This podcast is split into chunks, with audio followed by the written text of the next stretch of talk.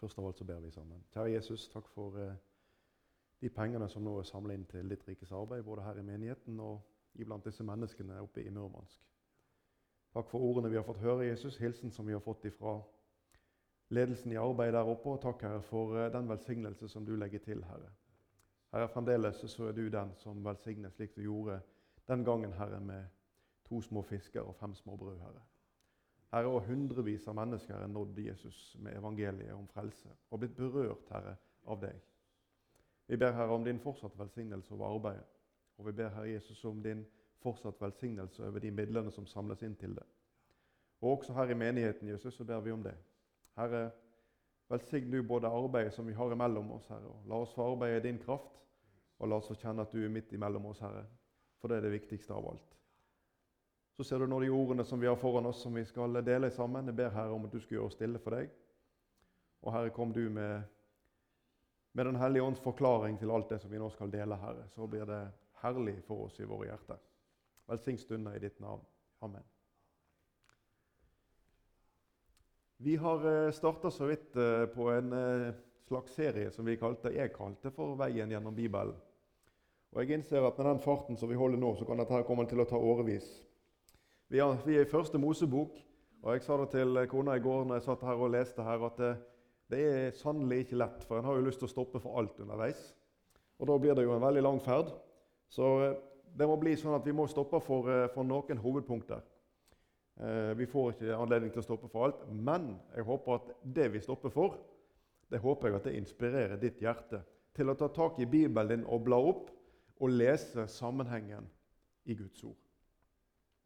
Vi bruker ekstra god tid gjennom eh, disse første ja, i alle fall eh, de første to eh, Mosebøkene. skal vi se hvor, hvor, tett vi skal gå gjennom de påfølgende. Men grunnen til det er at disse bøkene de, er, de inneholder veldig mye informasjon som er byggesteiner for at vi skal forstå det som seinere kommer i Bibelen.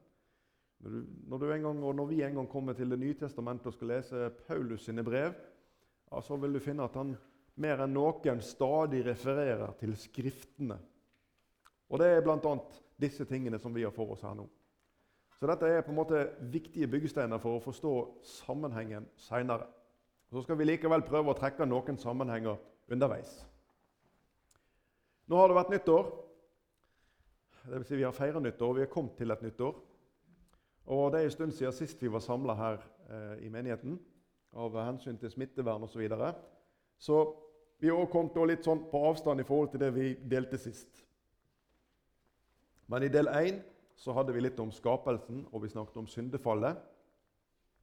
I del 2 så snakket vi om Noah og om syndefloden. Og I del 3, som da altså var forrige gang, så snakket vi om eh, slekten etter Noah. Og så snakket vi om slekten da helt frem til Abraham. Eh, og Vi stoppa i første Mosebok kapittel 13, hvor Lot og Abraham skiller lag.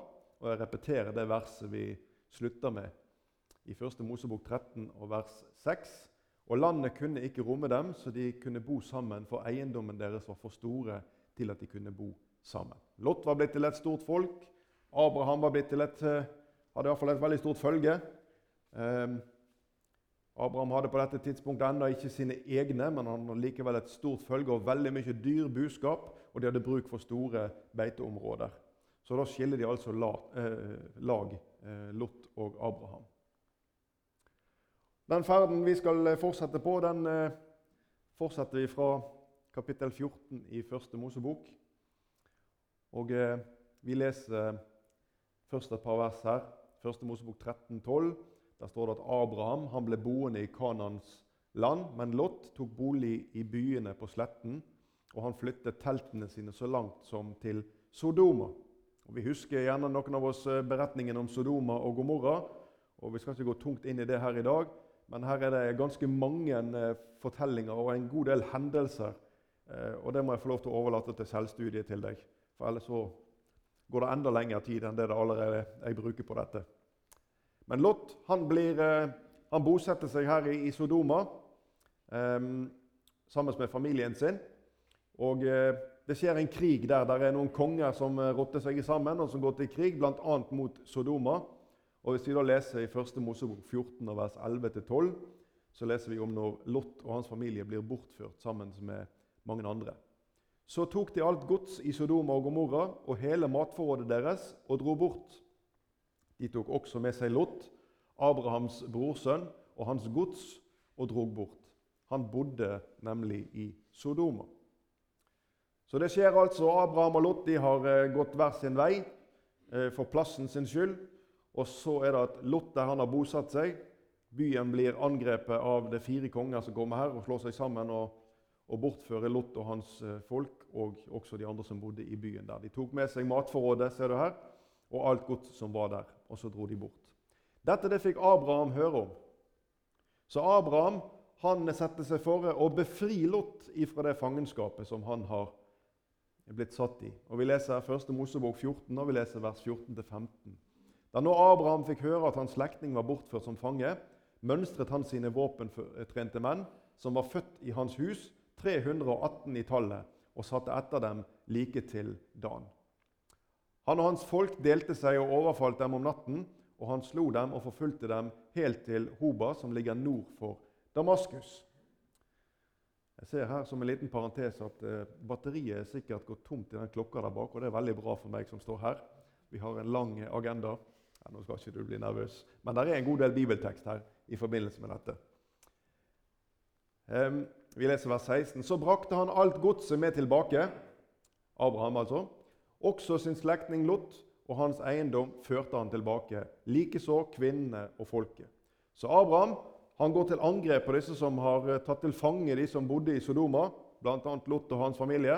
Og så befrir han dem, og så fører han dem tilbake igjen til byen.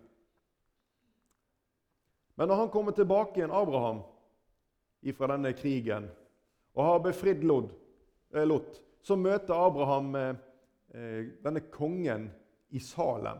Det er en by der som heter Salem. Og Der er det en konge som heter Melkisedek. Og Det må vi bare stoppe litt for. Vi leser her eh, fortsatt i vers 18-20. Vi er stadig i 1. Mosebok 14. Og Melkisedek, kongen i Salem, kom ut med brød og vin. Han var prest for den høyeste Gud. Han velsignet ham og sa, 'Velsignet være Abraham av den høyeste Gud, han som eier himmel og jord.' Og lovet være den høyeste Gud, som har gitt dine fiender i din hånd. Og Abraham gav ham tiende av alt. Når det kommer til Melkisedek, så finner vi eh, flere steder i Bibelen at Melkisedek er omtalt. Og Vi må ta med litt om det. Bibelen forteller oss ingenting om hvor denne kongen i Salem, denne Melkisedek, hvor han kom fra. Hvem var familien hans? Hvilken slekt hørte han til? Ingenting av dette finner vi i Bibelen. Og Hvis vi leser Hebreabrevet, så står det litt om Melkisedek. Egentlig, hvis vi leser, Hadde vi lest kapittel 5 og kapittel 7, det skal vi ikke gjøre her i dag, bare slapp helt av, men vi skal ta noen vers ifra dem. Hebreerne 7 og vers 1-3. Denne Melkisedek var konge i Salem og prest for den høyeste Gud. Det var han som gikk Abraham i møte og velsignet ham da han vendte tilbake etter seieren over kongene. Det er han som Abraham gav tiden av alt. Han er, når en tyder navnet, for det første rettferdighetens konge. Dernest er han også Salems konge, dvs. Si fredskonge. Han er uten far og uten mor, uten ettertavle. Hans dager har ingen begynnelse, og hans liv ingen ende. Men han har gjort lik med Guds sønn, og han er prest for alltid. Nå skal vi ikke glemme at Melkisedek var et menneske, og at noe av det vi leser her, det er på en måte billedlig forklart, overført Melkisedek, eh, hans virke og han som person, eh, i en parallell til Jesus. Uten ettertavle, altså Jesus er Guds sønn. Vi har hatt for oss her i arken tidligere Jesu ettertavle hvis vi ser på den jordiske slekt. Men hans dager har ingen begynnelse. Gud har vært til ifra evighet av og er til, til evighet. I evighet. Hans liv har ingen ende. Og han er prest for alltid, like som Jesus er prest for alltid. Vi kunne sagt mye om det, men vi leser noen få vers til her. Hebreerne 5, vers 5-6. Slik ga heller ikke Kristus seg selv den ære å bli ypperste prest, men han som sa til ham, 'Du er min sønn, jeg har født deg i dag.' Likeså sier han også på et annet sted, 'Du er prest til evig tid etter Melkisedeks vis'. Og David han profeterer òg om eh, dette i Salme 110. Der ser David Jesus i dette perspektivet. Eh, vi leser det fjerde verset i Salme 110. Herren har sverget, og han skal ikke angre det. Du er prest til evig tid etter Melkisedeks vis. Så Vi ser at her er en tydelig sammenheng mellom det Abraham opplever her. Veldig flott. Kanskje det første gammeltestamentlige bildet vi finner på noen viktige ting. Hvem er Jesus? Detaljer om Guds frelsesplan, hvordan han hadde tenkt Jesus innplassert i denne. Jesus han kom ikke fra Levis ett, som var den jordiske presteætten som Gud hadde utvalgt. Jesus han er av Juda-stamme. Eh, Likeså er det ikke sånn at Melkisedek er av en spesiell stamme som er utvalgt. Han er også, som vi leste, uten ettertavle i denne sammenheng.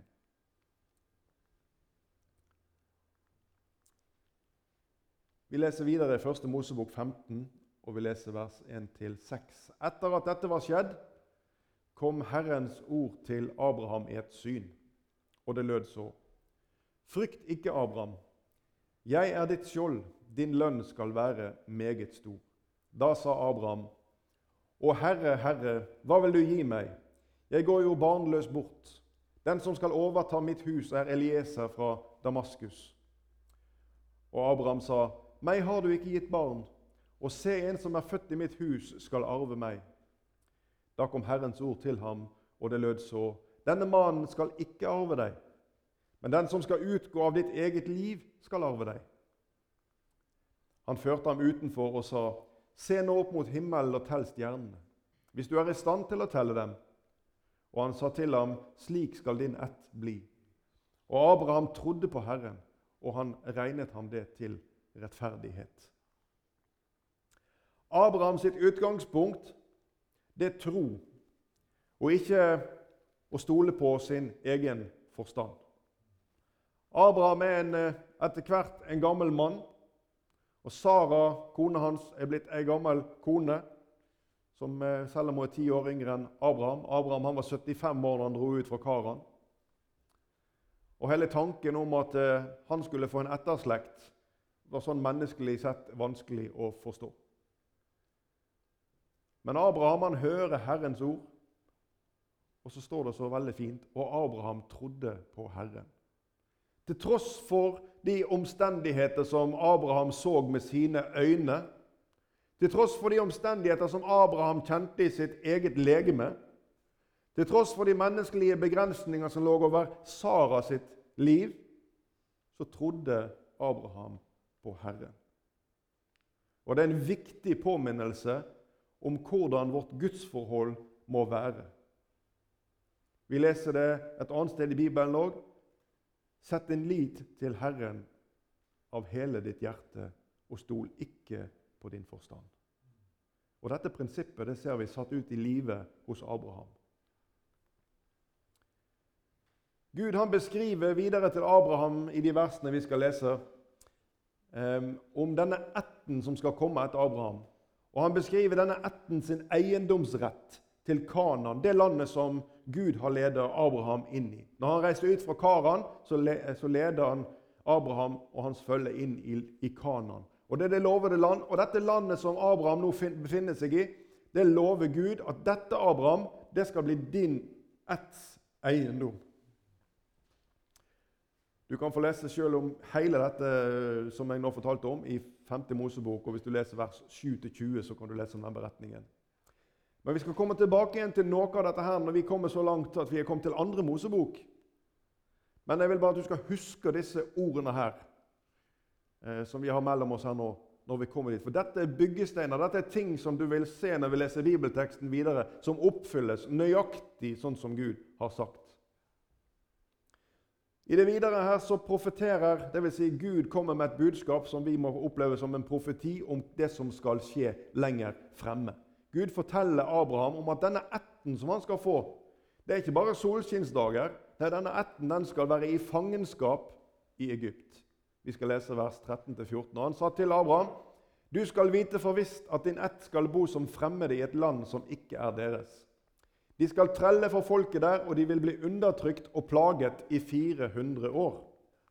Men jeg vil også dømme det folket som de skal, trette, som de skal trelle for, og deretter skal de dra ut med mye gods. Her har vi en hel bibeltime på disse to versene her.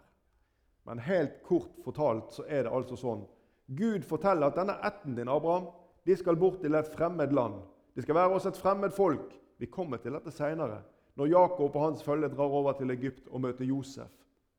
Og når de bosetter seg i Gosen og blir til etter hvert et storfolk. Og så kommer det en ny farao som ikke kjenner Josefs Gud. Og så blir hele folket satt i slaveri. Og så varer slaveriet hvor lenge? Og det varer i 400 år, sånn som Gud har sagt. Og når de skal dra ut derfra Du husker det kanskje, du som har lest bibelhistorien. Når den tiende plagen var slutt, så ba de egypterne om gaver. Og de ga dem gull, gull og sølv i store mengder. Og disse her gavene og disse rikdommene de tok med seg, ja, de finner vi også igjen senere når de skal reise tabernaklet og lage alle redskapene som er inne i tabernaklet, som skal brukes til gudstjenesten. Alt dette henger nøye sammen. I det 16. verset her i 1. Mos 15 så sier Gud at i det fjerde slektsledd skal de komme tilbake hit. For ennå har ikke amorittene fylt sin ondskapsmål. Abraham, i det fjerde slektsledd, da har du din ett tilbake igjen hit. Da skal de ha dette landet til eiendom, Abraham. Du, Tråden som vi vil finne gjennom Mosebøkene, det er stadig, vi kommer til å komme til stadige referanser til løftet som Gud gir. Gud forteller om hvordan det skal bli, og så leser vi litt lenger bak, og så ser vi at det ble sånn. Derfor er lesningen av Skriftene, som Paulus kaller det for, Det gamle testamentet, Mosebøkene og vel det som, det som jødene kaller for Toraen, profetene og salmene, og så finner vi at det som Gud har sagt, det oppfylles nøyaktig. Det er veldig trosstyrkende å lese Bibelen. Jeg var heldig og fikk delta på konfirmasjonsundervisning her i kveld. Og Da måtte jeg bare si det, og det sier jeg her til dere også her nå, som vi delte sammen da. At det er vanskelig for meg å forstå at når noen setter seg ned og leser Bibelen og begynner å lese bakover, at en da ikke kommer til tro. For det er rett og slett for fantastisk, det som står i denne boka, til ikke å kunne tro på det. Det er sånn at det er skrevet med så stor nøyaktighet. Det er beskrevet så godt det som skal skje frem i tid. Eh, og det oppfylles så nøyaktig. Og boka er blitt til over flere tusen år. Og den er skrevet av et hav med forskjellige mennesker. Uten selvmotsigelser. Dette budskapet ja, det er trosskapende. Hvis en setter seg ned og studerer dette ordet, så vil du finne at Gud er i sannhet den han har sagt seg å være. Du, Abraham han får eh, en sønn først, som heter Ismael. Og Den får Abraham med en trellkvinne som, som eh, Sara har, som eh, heter Hagar. For Sara hun ser at vel, hun forblir barnløs. Um, Hun sier til Abraham at her har du denne trellkvinnen, hun får du til kone. Og så er det sånn at Abraham får barn med Hagar. Vi leser 1. Mosebok 16, vers 15-17. Hagar fødte Abraham en sønn, og Abraham kalte sin sønn, som Hagar fødte, Ismael. Og Abraham han var 86 år gammel da Hagar fødte ham Ismael. Det har altså nå gått elleve år siden Gud ga løftet om en tallrik slekt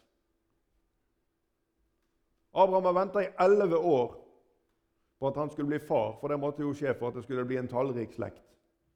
Og Når ikke det oppfylles sånn som Abraham og Sara har tenkt, ja, så tar Abraham seg denne hustru, Hagar, denne trellkvinnen fra Sarai, og så får han barn med henne, Ismael. Vi leser videre her, og vi kan lese fra 1. Mosebok 12,4. Så dro Abraham av sted som Herren hadde sagt ham, og Lot dro med ham. Abraham var 75 år da han dro ut fra Karan. Så ser du sjøl hvor nøyaktig bibelordet er. Elleve år etterpå. Abraham var 86 år gammel når han fikk Ismael. Men Ismael han er ikke løftet sønn. Ismael han er en frukt av eh, Abraham og Sara og, og Hagas egenrådighet. Og Gud han gjentar derfor dette slektsløftet. Abraham kunne jo kanskje tenkt i sitt hjerte at denne sønnen Ismael som jeg har fått, sannelig nå er det oppfylt. Nå skal det skje. Men det blir ikke sånn. For Gud kommer tilbake igjen til Abraham og stadfester løftet, stadfester pakten, men løsrevet ifra denne sønnen Ismael. I kapittel 17, når Abraham han er blitt, nå blitt 99 år gammel. Om det var vanskelig når han var 75 år, så er han altså nå blitt 99 år gammel. Og det er 24 år siden Gud gav ham løftet første gangen. Det lærer oss litt om tålmodighet å tro dette her. Tenk på den ventetiden som gikk, og tenk på de stadige betraktninger som Abraham måtte ha gjort. Tenk etter hvert som tiden gikk, hvordan Abraham måtte ha opplevd at løftet ble fjernere og fjernere. Og så kommer altså Gud her og så repeterer han dette her, og nå er Abraham altså blitt 99 år gammel. Og Sara hun er da ti år yngre enn Abraham. Vi kan gjøre oss noen refleksjoner i forhold til dette. her. Vi kan se på noen rekorder. Jeg måtte slå opp på Internett. En dame som heter Adriana Ilescu, hun ble verdens eldste mor i 2006. Iallfall registrert. Hun fikk barn over 66 år gammel. I 2008 så kom det en ny rekord. En dame som heter Rajo Devi. Og Det var den første kvinnen helt i starten av 70-årene som, som, ble mor. Og en tredje rekord. Mangayama Yaramati, 74 år gammel. Og hun er trolig verdens eldste mor. Dette var en rekord registrert i 2019. Men det slår ikke de bibelske rekordene, gjør det vel?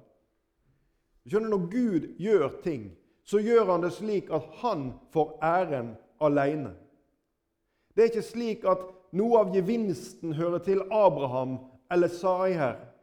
Det eneste vitnesbyrdet de står igjen med, det er et vitnesbyrde om deres tro på det som Gud skulle gjøre, og det som Gud oppfylte. Vi leser her i 1. Mosebok 17, og vi skal lese vers 1-6. Da Abraham var 99 år gammel, åpenbarte Herren seg for ham og sa til ham, 'Jeg er Gud, den allmektige.' Vandre for mitt åsyn og vær ustraffelig. Jeg vil opprette min pakt mellom meg og deg, og jeg vil gjøre din ett overmåte tallrik. Husk nå alderen til Abraham. Ismael er født. Det har gått noen år. Da falt Abraham på sitt ansikt, og Gud talte med ham og sa.: Se, jeg slutter min pakt med deg. Du skal bli far til en mengde folk. Ditt navn skal ikke mer være Abraham, men ditt navn skal være Abraham. For jeg gjør deg til far for en mengde folk. Hvis vi hadde sett på hebraisk, så er det et ordspill på dette med dette navnskiftet fra Abraham til Abraham i forhold til det å bli far til en mengde folk. Jeg vil gjøre deg overmåte fruktbar. Se, jeg gjør deg til en mengde folk, og konger skal utgå fra deg. Vers 7. Jeg vil opprette min pakt mellom meg og deg og din ett etter deg, fra slekt til slekt, en evig pakt. Jeg skal være Gud for deg og for din ett etter deg. Og vers 8. Jeg vil gi deg og din ett etter deg det landet hvor du bor som fremmed. Hele Kanans land til evig eiendom, og jeg vil være deres Gud. Vi leser videre i noen vers her, vers 21, 15-21. Så sa Gud til Abraham, Sarai, din kone, skal ikke lenger kalles Sarai, men Sara skal være hennes navn. Jeg vil velsigne henne og gi deg en sønn også med henne.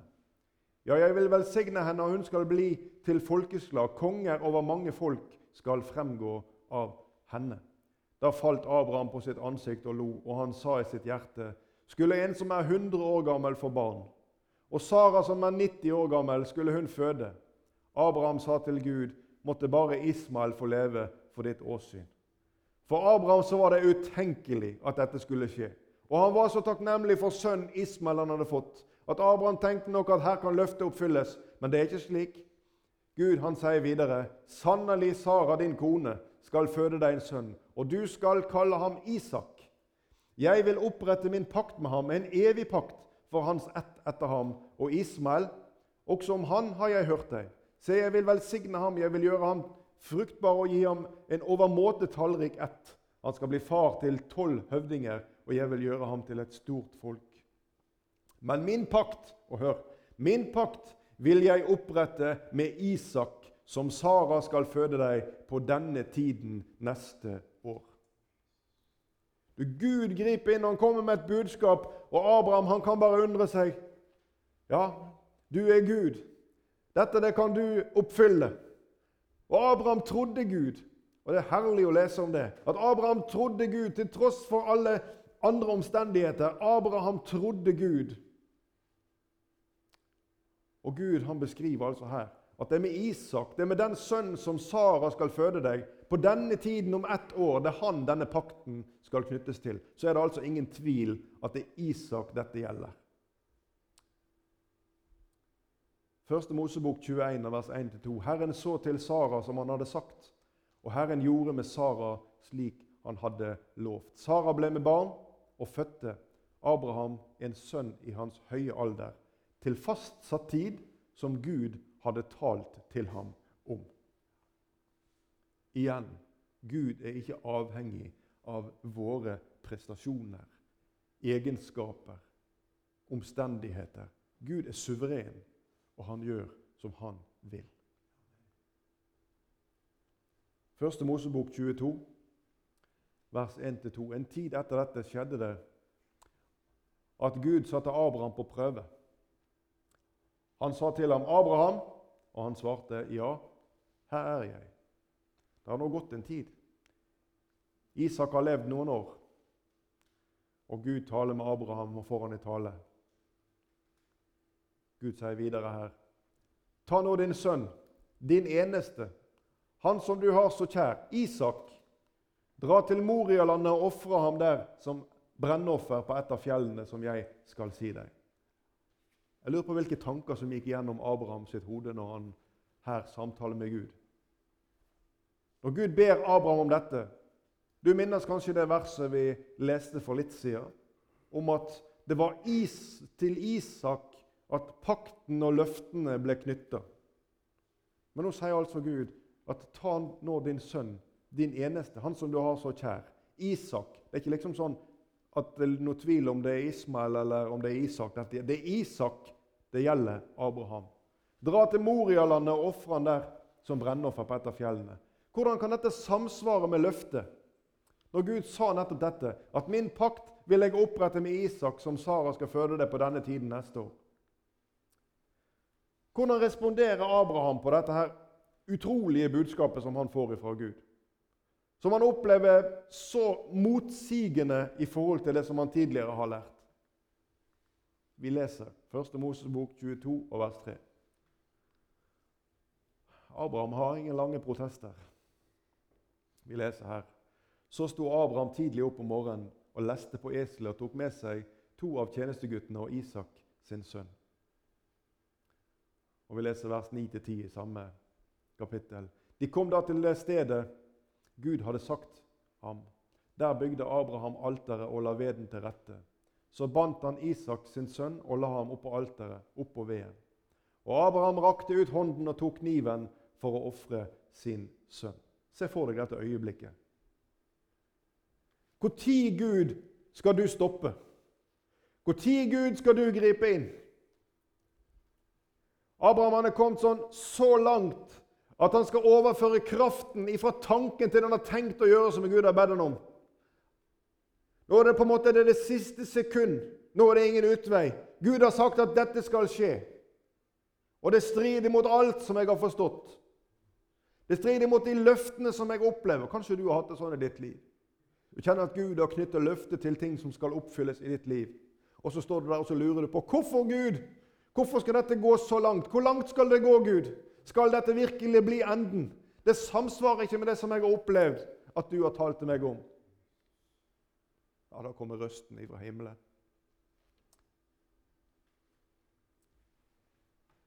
Første Mosebok 22, vers 11-14. Da ropte Herrens engel til ham fra himmelen og sa, 'Abraham, Abraham.'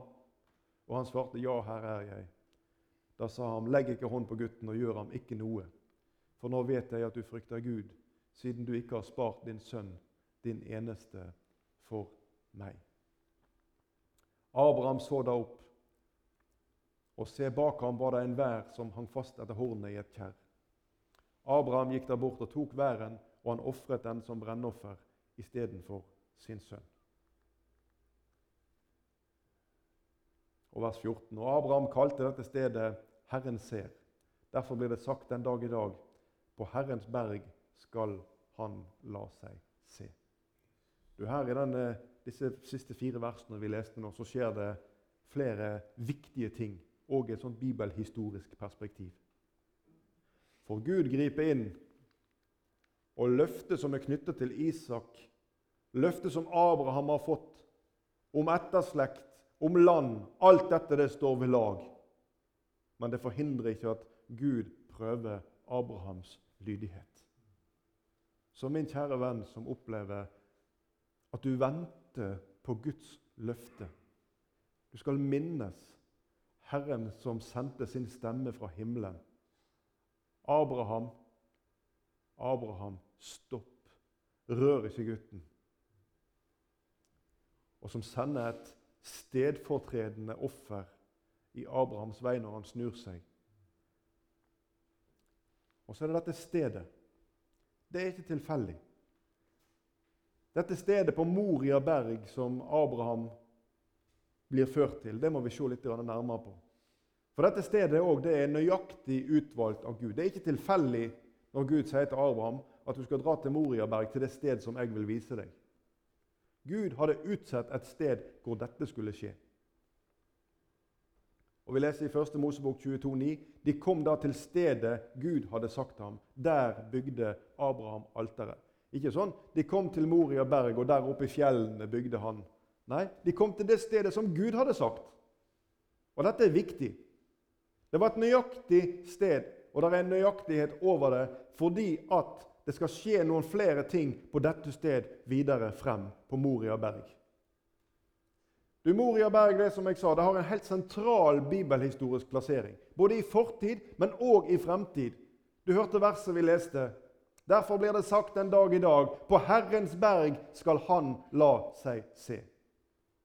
Du, Moria hvis du slår opp i et leksikon, så ser du at Moria det betyr Herrens bitterhet. Og Dette det er det stedet hvor både forbilledlige offer skjer, og det endelige offeret skjer.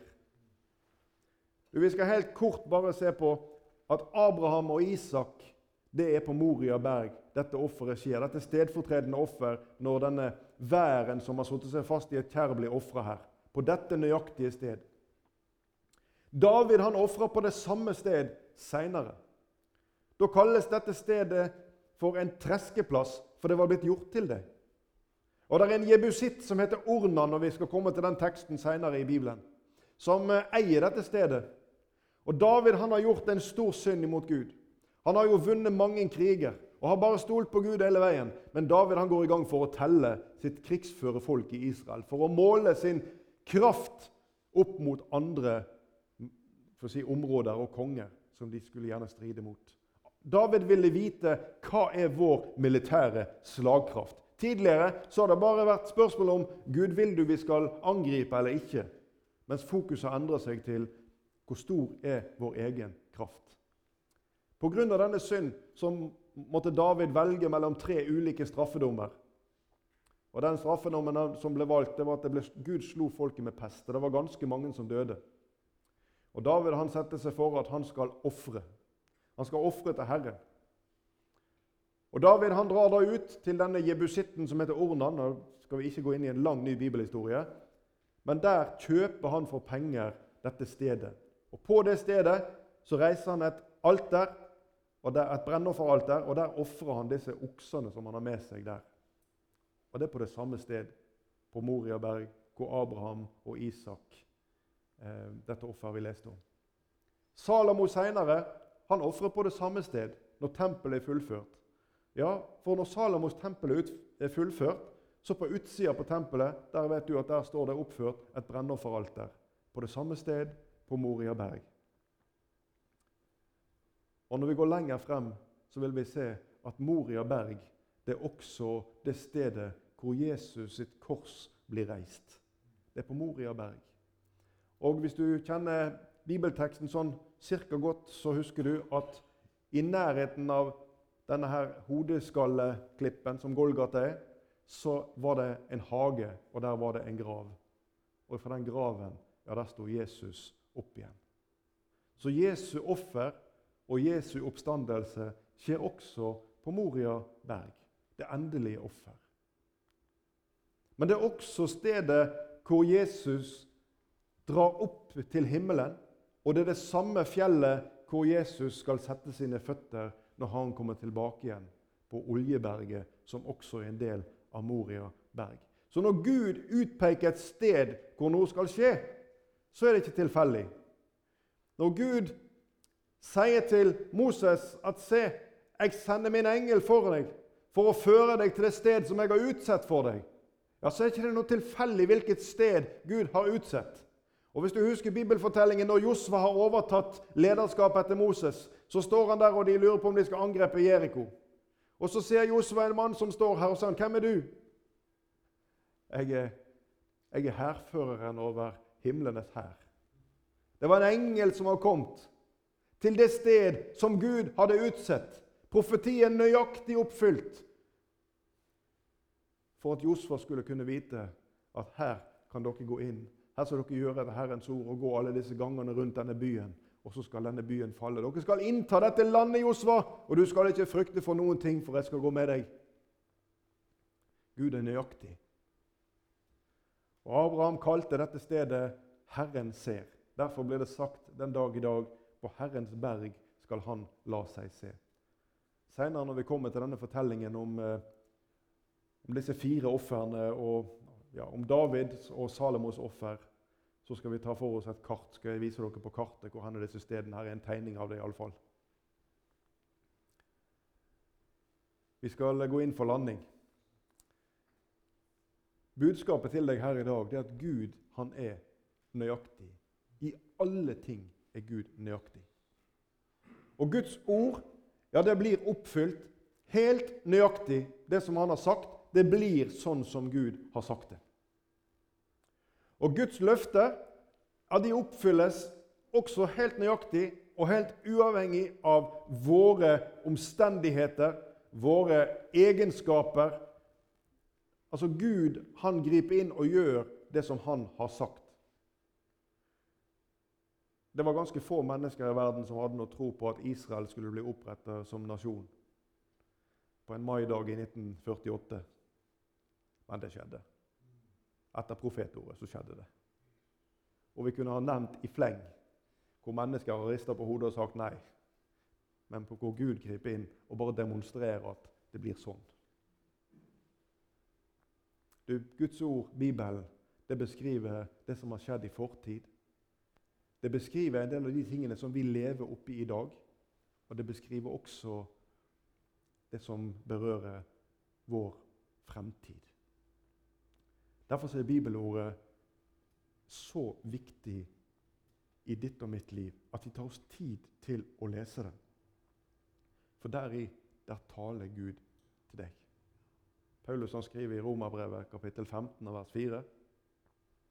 Og alt som før er skrevet, det er skrevet til lærdom for oss, for at vi skal ha håp ved det tålmod og den trøsten som Skriftene Derfor er det så utrolig viktig at du tar deg tid med Bibelen din, kjære venn.